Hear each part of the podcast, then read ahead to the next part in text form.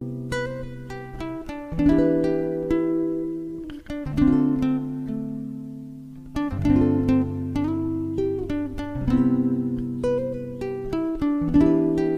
semuanya, Assalamualaikum warahmatullahi wabarakatuh. Kembali lagi di Reani Channel. Alhamdulillah di kesempatan kali ini uh, Kalian bisa mendengarkan suara-suara yang entah apa. Nah jadi di kesempatan kali ini Res mau uh, ngebahas soal baper. Nah dan kali ini masih uh, Alhamdulillah gitu ya nggak single lagi Karena udah ada seseorang di samping Sheila. Tapi temen ya Ini dia Risma Yunita. Hai. Halo semuanya, Assalamualaikum. Waalaikumsalam. Masih stay. Gimana kabarnya? Alhamdulillah ya luar biasa. Majin Allah Akbar. Ya semoga pendengar kita berdua juga sehat-sehat ya. Amin ya robbal alamin Oke, jadi hari ini kita mau ngebahas soal baper. Nah, biasanya nih ketika kita e, mendengar kata baper, hal yang terlintas itu adalah perasaan. Misalnya nih, kalau misalnya cewek gitu kan, cewek itu kan baperan. Nah, baperannya kenapa? Karena misalnya e, di apa ya di apa sih? karena cowok karena karena cowok misalnya cowoknya itu caper gitu. Jadi kayak kita tuh kayak ngerasa ih dia tuh kayak gitu apa sih maksudnya? gitu kan. Suka sih apa sama gue apa gimana gitu kan. Oke. Okay. nah jadi tapi nggak nggak nggak kayak gitu. Baper itu sebenarnya banyak banget cakupannya gitu. Misalnya ketika kita dikritik sama orang lain gitu kan dan kita nggak nerima gitu. Kayak eh ampun dia gitu banget sih sama gue gitu kan. Jadi kayak gimana gitu ya kayak sakit hati gitu loh kita tuh. Terus orang-orang tuh kayak kayak bilangnya tuh kayak apaan sih lo? Ih lo mah baperan orangnya gitu kan kayak gitu. Oke. Okay. yeah. nah jadi uh, gimana nih Ris menurut Risma tentang baper dari perspektif Risma Yunita sendiri? Aduh kalau saya sendiri kurang memperhatikan baper cuman saya sendiri orang yang baperan. Mm -hmm. baperan uh, termasuk ya tadi kalau masalah uh, cowok gitu ya kalau masalah cowok emang hmm. perempuan tuh sensitif ya terhadap hal itu tapi ya kalau saya sendiri sih emang baper itu nggak cuma tentang cowok aja tentang banyak hal ya tentang misalnya ada masalah sama orang tua sama teman atau sama diri sendiri juga misalnya kita baper itu kan bawa perasaan ya yeah, yeah. jadi kalau gitu kan yeah, ya yeah. jadi moody gitu moody kita jadi turun hmm. dan nggak semangat buat ngelakuin hal-hal karena pikiran kita tuh fokusnya ke hal itu hmm, bener banget hmm. karena sebenarnya kalau laki-laki kan mereka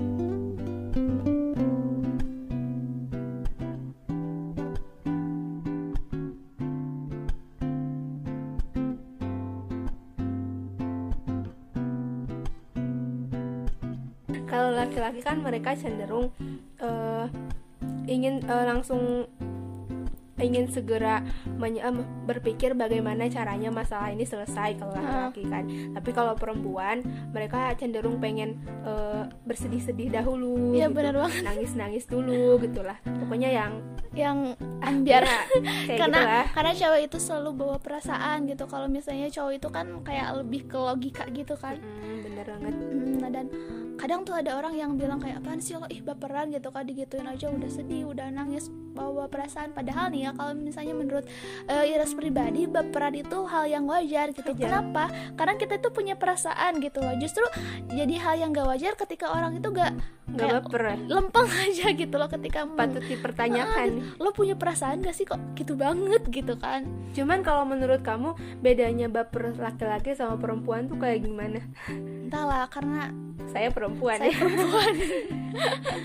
Mungkin kalau kalau cewek sendiri tuh uh, kadang-kadang nih ya uh, emang ada beberapa perbedaan juga. Nah ketika mereka baper tuh kadang tuh uh, mereka tuh di, di dalam hatinya itu ya ampun gitu. Kayak gimana lah pokoknya tuh lebay kayak gitu ambiar tapi ketika mereka di luar tuh menunjukkan bahwa mereka itu kayak enggak baper gitu loh. Kalau misalnya kayak kita uh, apa ya membicarakan hal ini atau dalam urusan kayak asmara percintaan kayak gitu. Jadi seolah-olah tuh kayak kayak yang sok cool padahal enggak cool gitu kalau cewek kalau cewek. Iya kalau menurut aku sih kayak gitu. Cuman ada juga sih cewek-cewek yang kayak kayak yang balance gitu ketika mereka merasanya kayak gitu ya udah ditunjukin aja. Ada juga yang enggak kayak gitu. Express Ya. expression banget iya expression banget gitu. Kalau cowok sih kurang tahu ya cuma kayaknya rata-rata kayak gitu sih sama aja gitu. Ada orang yang ketika baperan itu mereka nunjukin baperan ada yang enggak juga gitu.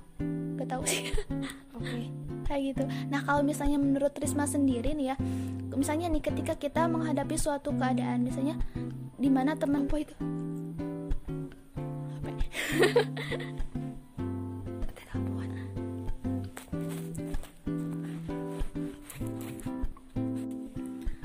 Nah dan Riz, eh, aku mau tanya ya, gimana pandangan Risma nih ketika misalnya ada orang yang komen misalnya soal gaya kita, misalnya Risma eh, kalau sekarang dandannya itu beda gitu, terus ada temen tuh kayak, ih apaan sih lo dandannya kayak gitu, lo tuh jelek tau gak? Nah, pokoknya tuh kayak gitu dan mengeluarkan hal-hal yang bisa bikin sakit hati gitu loh. Nah kan otomatis kita tuh kayak ngerasa baper gitu kan, Gleb, langsung kayak gitu. Nah itu gimana sih cara menyikapinya? Eh, mungkin cara menyikapi orang terhadap hal itu beda-beda. Kalau aku sendiri orang yang sifatnya itu apatis. Jadi emang kalau masalah penampilan sih nggak terlalu memperdulikan apa yang orang lain bilang. Yang penting nyaman dan udah percaya diri gitu. Masalah orang lain mau ngomong apa juga aku sih eh, whatever lah intinya. Tapi juga aku juga nggak nggak yang nggak yang menyalahi intinya nggak menyalahi syariat sih kalau misalnya penampilan gitu. Kalau misalnya ada orang lain yang ngomong ya ya udah kan orang lain ngomong itu belum tentu benar juga sebenarnya. Ada saran itu yang membangunkan ada juga yang Ah, yang malah menjatuhkan menjatuhkan gitu. Ya, intinya aku sih sebenarnya apatis tapi terhadap orang-orang yang membangun kadang diadopsi juga sih. Tapi tidak terlalu mem- melibatkan perasaan kalau masalah kayak gitu Nah kalau misalnya masalah pekerjaan nih, ada yang bilang, ih kok kamu tuh kerjanya kayak gini, harusnya bla bla bla bla," kayak gitu. Itu gimana? Nah kalau itu kalau masalah pekerjaan emang suka bener-bener sampai ke bawah-bawah.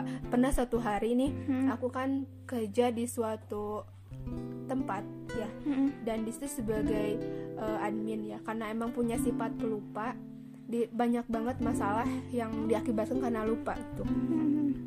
Akhirnya hari itu bener-bener abis banget dikritik sama orang-orang atasan lah sama atasan dikritik.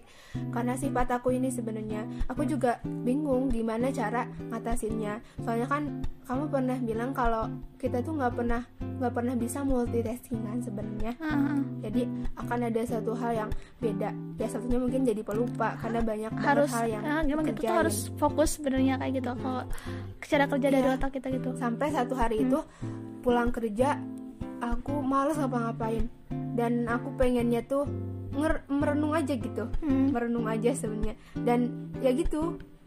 Ya gitu. Eh, aku juga sebenarnya bingung solusinya kayak gimana. Cuman pengennya waktu itu gitu aja. Eh, maksudnya eh, bersedih-sedih gitu loh. Diem-diem nggak mau nggak mau apa-apa. Bete lah intinya tuh. ya intinya kayak gitu. Jadi nggak mood lah pokoknya. Ditanya orang juga eh, pokoknya pengennya tuh kadang pengen marah-marah gitu ya. Ah. tapi bahaya juga ya kalau ada orang yang melampiaskan eh, kekesalan dirinya tuh sama orang lain. Emang. Jadi kadang tuh orang ada lain kena imbasnya Heeh, ya. gitu kan. Misalnya tuh kayak ada temen gitu. Misalnya kita tinggal satu kosan misalnya terus temen itu nggak tahu dari mana. Terus kan biasanya dia tuh ceria. Terus tiba-tiba kayak bad mood aja gitu loh. Mukanya tuh aneh gitu. Terus kayak murang maring gitu bahasa Sundanya tuh. Orang aring apa sih? Murang maring tuh Murang kayak maring. kayak marahnya sama siapa? Tapi kok gue kena imbasnya Iya. kayak gitu. Jadi ya emang gimana ya itu tuh emang harus punya kita itu harus punya keterampilan untuk mengolah emosi sih sebenarnya kayak gitu. Ya nah gini. Hmm. kalau masalah tadi kan aku udah ditanya soal eh, baper masalah komen dan kerja. Kalau Tira sendiri nih biasanya yang paling baperan tuh soal apa sih? Sebenarnya tentang semua hal juga sih. Semuanya paling baperan gitu ya. ya relatif sih. Relatif. Tapi ada level-level ter- level-level tertentu lah ya. Pasti ada pada satu hal eh pada jenis-jenis masalahnya. Entahlah tapi ketika kita ketika Ira sendiri gitu ketika menghadapi suatu masalah tuh memang orangnya itu jadi nggak bisa santuy sebenarnya. Hmm. jadi kalau misalnya nih uh, misalnya tuh ada temen yang marah gitu kan sama yeah. kita ini orang kenapa sih marah-marah gitu gak jelas gitu kayak pasti bakal dipikirin banget gitu dan imbasnya tuh kayak emang negatif ke diri Iresnya sendiri kayak tapi kadang gitu. suka hmm. uh, imbasin itu ke orang lain juga nggak kadang-kadang kayak gitu tapi kalau sekarang mah lebih apa ya emang dulu tuh aku waktu waktu SMK gitu kan suka kayak apa ya orangnya tuh kayak pemarah gitu loh iya hmm. tapi kalau emosional ya? emosional banget tapi kalau sekarang tuh nggak tahu kenapa. Jadi kalau misalnya kita lagi bete kayak gitu tuh lebih kayak diem aja gitu. Diem. Nggak nggak marah sih sama orang lain tapi kayak lagi kalau ditanya tuh lagi aku lagi bad mood misalnya tuh karena sesuatu hal lagi baper gitu kan uh, aku kayak diem gitu. Terus kalau ditanya tuh kayak cukupnya aja jawabnya tuh terus gak senyum. Kayak gitu aja paling. Kayak gitu sih kalau misalnya aku sendiri. Kalau misalnya nih ya kita dari Resi dan dari Risma. Tapi dari Resi dulu saya nanya kalau misalnya lagi ada suatu masalah dan Resi hatinya baper itu biasanya ngapain aja gitu kegiatannya pas lagi baper itu? Larinya tuh ke mana biasanya Resi tuh yang pertama itu pasti kalau misalnya masalahnya itu terlalu dalam. Chill dalam banget. Lukanya itu mendalam karena suatu hal pasti nangis nangis itu kan. Terus apalagi uh, aku tuh suka kayak gini lebay sih. Kayak nangis terus dengerin suara suara lagu-lagu melo gitu loh terus hmm. sambil nangis gitu. Yeah, yeah. nah terus kadang tuh ada ada beberapa sih kayak tergantung kayak aku maunya apa. Kadang tuh kayak udah nangis gitu kan kayak apaan sih gue gini terus? gitu kan. Gak baik juga buat diri sendiri.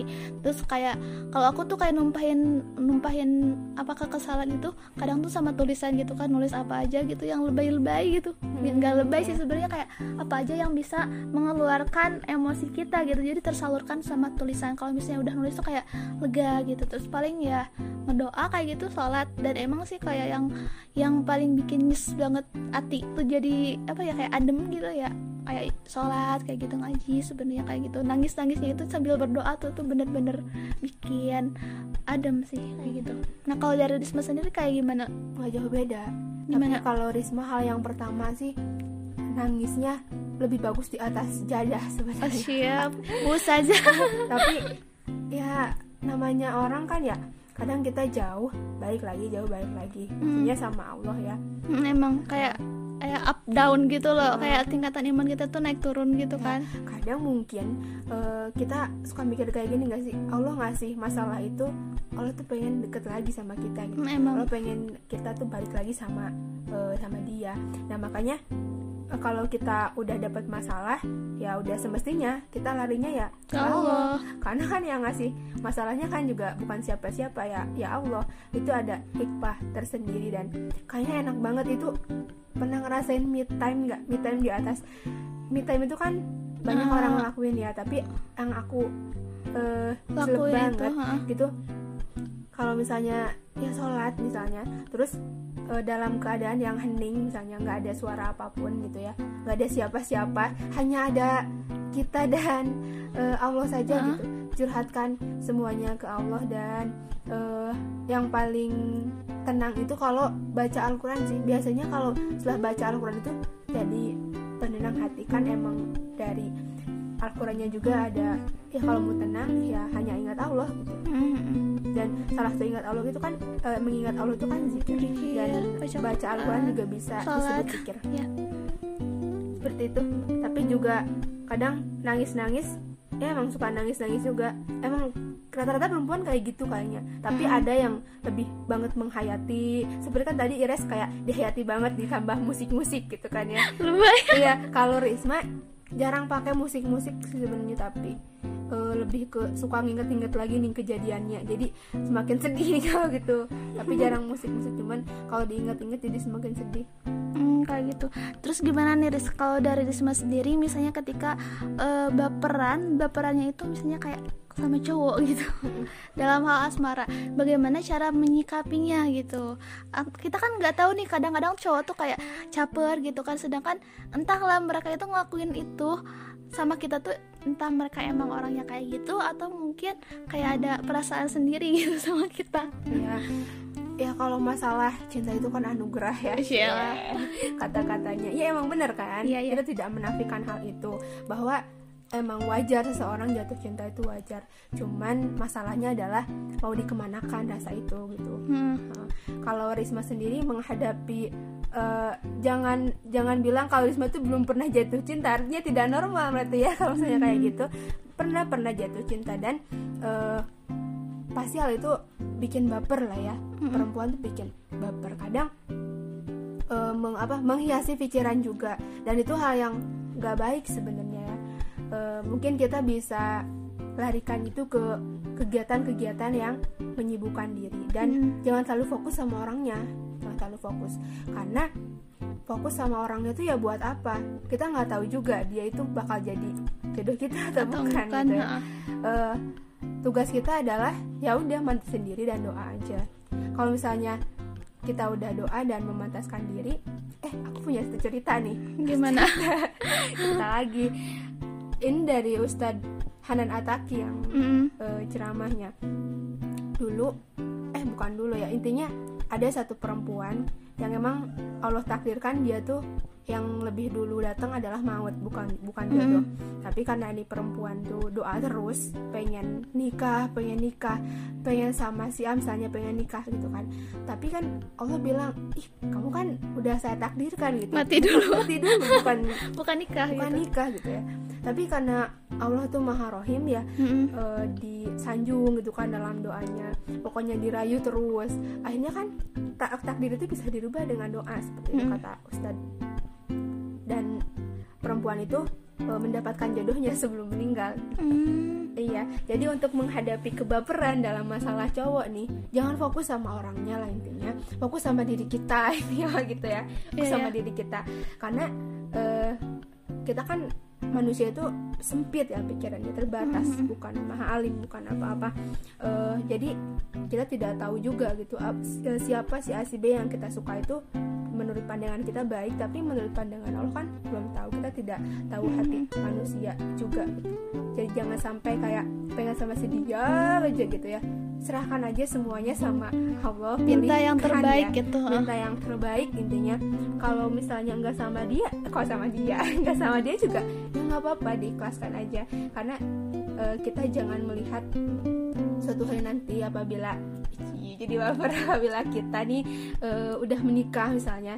Jangan pernah melihat siapa orangnya ih kenapa nikah sama dia? Gitu loh. Kan hmm. kan dulu pengennya sama si itu gitu. Hmm. ya pernah lihat kayak gitu. Tapi lihat siapa yang mengirimkan orang itu sama kita gitu. Kenapa Allah ngirimin orang itu sama kita? Karena emang dia yang terbaik buat kita.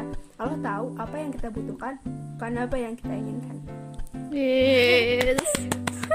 Ya kalau gitu sekarang sebaliknya dong dari Resi ini jadi intinya tuh kalau misalnya Risma sendiri kalau misalnya menghadapi kebaperan kebaperan sama cowok itu intinya tuh oh. mengembalikan lagi semuanya ke Allah gitu. Iya. terus kalau responnya ke cowoknya gimana? Biasa aja atau gimana? Respon ke cowoknya? Hmm. uh, sebenarnya ya biasa aja. Jangan malah jadi uh, tadi kan konteksnya adalah kalau dia caper ya. Nah, kalau dia caper. Misalnya kalau dia caper jangan balik caper ya karena kalau kita kalau dia me, me, menggugu tuh apa sih bahasa Indonesia nya menggugu. Menggugu apa guys? Menggugu. coba menggugu. Menggugu hawa nafsunya gitu. Maksudnya gimana ya? Hmm. e, dalam rangka caper itu kan dia pasti menuruti hawa nafsunya ya. Kalau hmm. dia nggak caper ya berarti dia nggak menuruti hawa nafsunya. Karena manusia itu didorong oleh hawa, hawa nafsu, nafsu. gitu kalau saya sendiri e, menyikapi itu adalah kok jadi bingung gitu ya. E, jadi ya intinya jangan sama-sama lah. Di antara kedua di antara kedua orang ini kalau kita masih punya iman ya harus ada yang sadar salah satunya gitu. Masya allah. Iyalah bener kan? Kalau misalnya e, satu cowoknya caper misalnya ya kita jangan gitu. Coba mm -hmm. coba biasa aja tapi juga tidak banget menutup diri sebenarnya tidak mm -hmm. menutup diri banget. Cuman ya biasa aja jangan sampai uh, menjadikan rasa ini nih malah jadi pacaran gitu kan. Apa yang kayak orang-orang sekarang lakuin yang parah-parah gitulah kegiatannya biasanya atau jangan juga kayak gini sekarang lagi zaman banget nih orang yang nggak ada ikatan nggak ada ikatan. Iya, jadian yuk nggak ada yang nggak ada yang kayak gitu. Tapi aktivitasnya adalah aktivitas pacaran. Itu yang kayaknya parah gitu ya kalau di pandangan saya. Ya contohnya kita nggak jadian apa-apa cuman kok ada rasa terus kita chat-chatan gitu ya ya kan? emang karena kalau rasa cinta itu bisa timbul ketika banyak interaksi kayak gitu katanya. Iya bener banget. Nah. apa tuh? Tresno apa jalanan suku kulit Oh, ya, itu. itu di pokoknya. Bahasa Jawa itu. Eh, eh, kita bukan orang Jawa sih kita orang Wetan kita juga orang Jawa. Jawa Barat. Iya kalau dari kalau dari aku sendiri ya menyikapi baper eh, misalnya tuh cowoknya tuh caperan gitu. Kan terus kan kayak kalau cowok itu memang apa ya memang baperan gitu ketika orang itu melakukan sesuatu yang kayak apa gitu kan. Jadi kita tuh mikirnya apa gitu. Nah apa sih? apa ya, ya jadi kayak Apa? gitu. Jadi kalau misalnya kalau dulu tuh kayak ya udahlah gitu. Tergantung kalau misalnya kita suka suka sama dia ya kita ngebalas kalau misalnya enggak eh, enggak. Kalau dulu tuh kayak gitu. Cuman kalau sekarang sekarang tuh kayak lebih belajar lagi. Karena memang aku tuh bukan orang yang alim-alim banget sih. Cuman kayak tahu lah ternyata antara laki-laki dan perempuan itu memang punya batasan gitu kan. Dan kalau misalnya eh, kita enggak penting-penting banget mendingan enggak ada eh, apa sih kayak enggak chatan kayak gitu harusnya kayak gitu kan. Nah. Harusnya lanjutkan.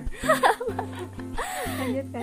Nah kayak gitu. Terus gimana nih ketika kita itu misalnya baper sama cowok entahlah gitu kan cowoknya suka atau enggak. Cuman lebih gimana caranya kita mengolah hati kita gitu mengolah perasaan kita gitu.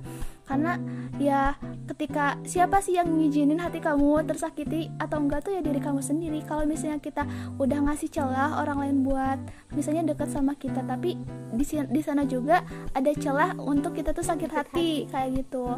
Nah cuman bagaimana nih caranya ketika kita misalnya jatuh cinta itu e, membawa cinta itu ke arah yang mana gitu kan? Apakah ke arah yang memang Allah ridhoi atau e, memang Allah nggak ridho? Nah kayak gitu. Jadi kalau misalnya aku sih emang kayak lebih ngembaliin lagi gitu kayak minta pertolongan aku misalnya suka sama dia harus kayak gimana nih gitu kan. Sementara kalau misalnya kita menuju ke arah yang serius juga belum ada siap gitu. Jadi ya harus kayak gimana ya? Mungkin lebih baik untuk eh, mengurangi interaksi juga terus meng apa ya kayak mengalihkan hal-hal yang Kegiatannya. itu ke arah-arah yang lebih positif kayak gitu mungkin. Mm-mm. Terus ada dua metode juga yang dicontohkan oleh Ummul Mukminin ya, eh, Fatimah Az-Zahra Iya. dan eh, Khadijah Al Kubro itu eh, ada dua metode kan sebenarnya. Hmm, Yang gimana tadi, tuh Yang tadi teh ya yang masa nggak tahu, yang tadi teh ya tuh yang kata Resi kalau kita belum siap sebenarnya gitu kan kita belum siap ya udah diem aja gitu mencintai dalam diam ya kayak ya udah diam aja nggak apa-apa kalau kita belum siap doa aja gitu ya Mm-mm. semoga Allah kasih yang terbaik yang kriteria kriteria kriteria kriterianya apa yang kita mau dan emang Allah ridho gitu kan. Ya kalau misalnya udah pada semuanya siap dan emang dari segi nafsunya juga udah eh, apa ya namanya ada kan pernikahan itu bisa jadi makruh ya bisa jadi makruh. Kalau misalnya nafsunya udah emang bener-bener eh, apa ya namanya ya pokoknya tidak tidak tertahan ya sudah Iya, iya. menggebu nah itu bisa men- menuruti metode Khadijah al kubron langsung menyatakan juga tidak apa-apa sebenarnya perempuan itu. Cuman kalau Aresi sendiri perspektif menyatakan itu berani gak kira-kira? Nggak. Nggak karena nggak tahu ya nggak nggak gimana ya gitu. karena perempuan tuh punya malu ya. Tapi sebenarnya hal ini katanya sih malu nggak nggak nggak maksudnya nggak nggak nggak nggak di, nggak diutamakan juga enggak tapi dengan metode-metode tertentu sebenarnya me- apa mengungkapkan ini tuh bukan langsung kayak ke cowoknya gitu kalau misalnya kita punya perasaan lebih ke gitu. ta'aruf mungkin ya. Bisa jadi sih. Ini jadi Atau- ngebahasnya itu ngebahas tentang bapak tapi kita jadi cenderung itu ngebahas jodoh. Ya nggak apa-apa ya kita kan emang emang nggak bisa teralur gitu ya ngomongnya pasti ke sana kemari ya. Ya ya kayak gitulah. Nah lanjutin jangan jangan. Ya udah sok. Lanjutin aja sok. Ya Allah. Nah eh, yang Fatimah Zahra itu itu pun lewat perantara gitu. Jadi ya kita juga kalau bisa nanti ke depan eh, dalam keadaan yang seperti itu nafsunya kemudian dari segi eh, apa mentalnya dari segi materinya sudah siap semua ilmunya terutama sudah siap semua. Nah itu eh, bisa diungkapkan tapi lewat perantara contohnya guru kita misalnya. Iya, iya, iya. seperti itu. Jadi segeralah eh kayak jadi kalau misalnya buat sekarang mungkin fokus aja untuk memperbaiki diri gitu kan. Iya. ya dari segi emosional gitu kan terus dari segi finansial juga mungkin dari ilmunya itu benar-benar perlu banget. Ya kayak gitu sih.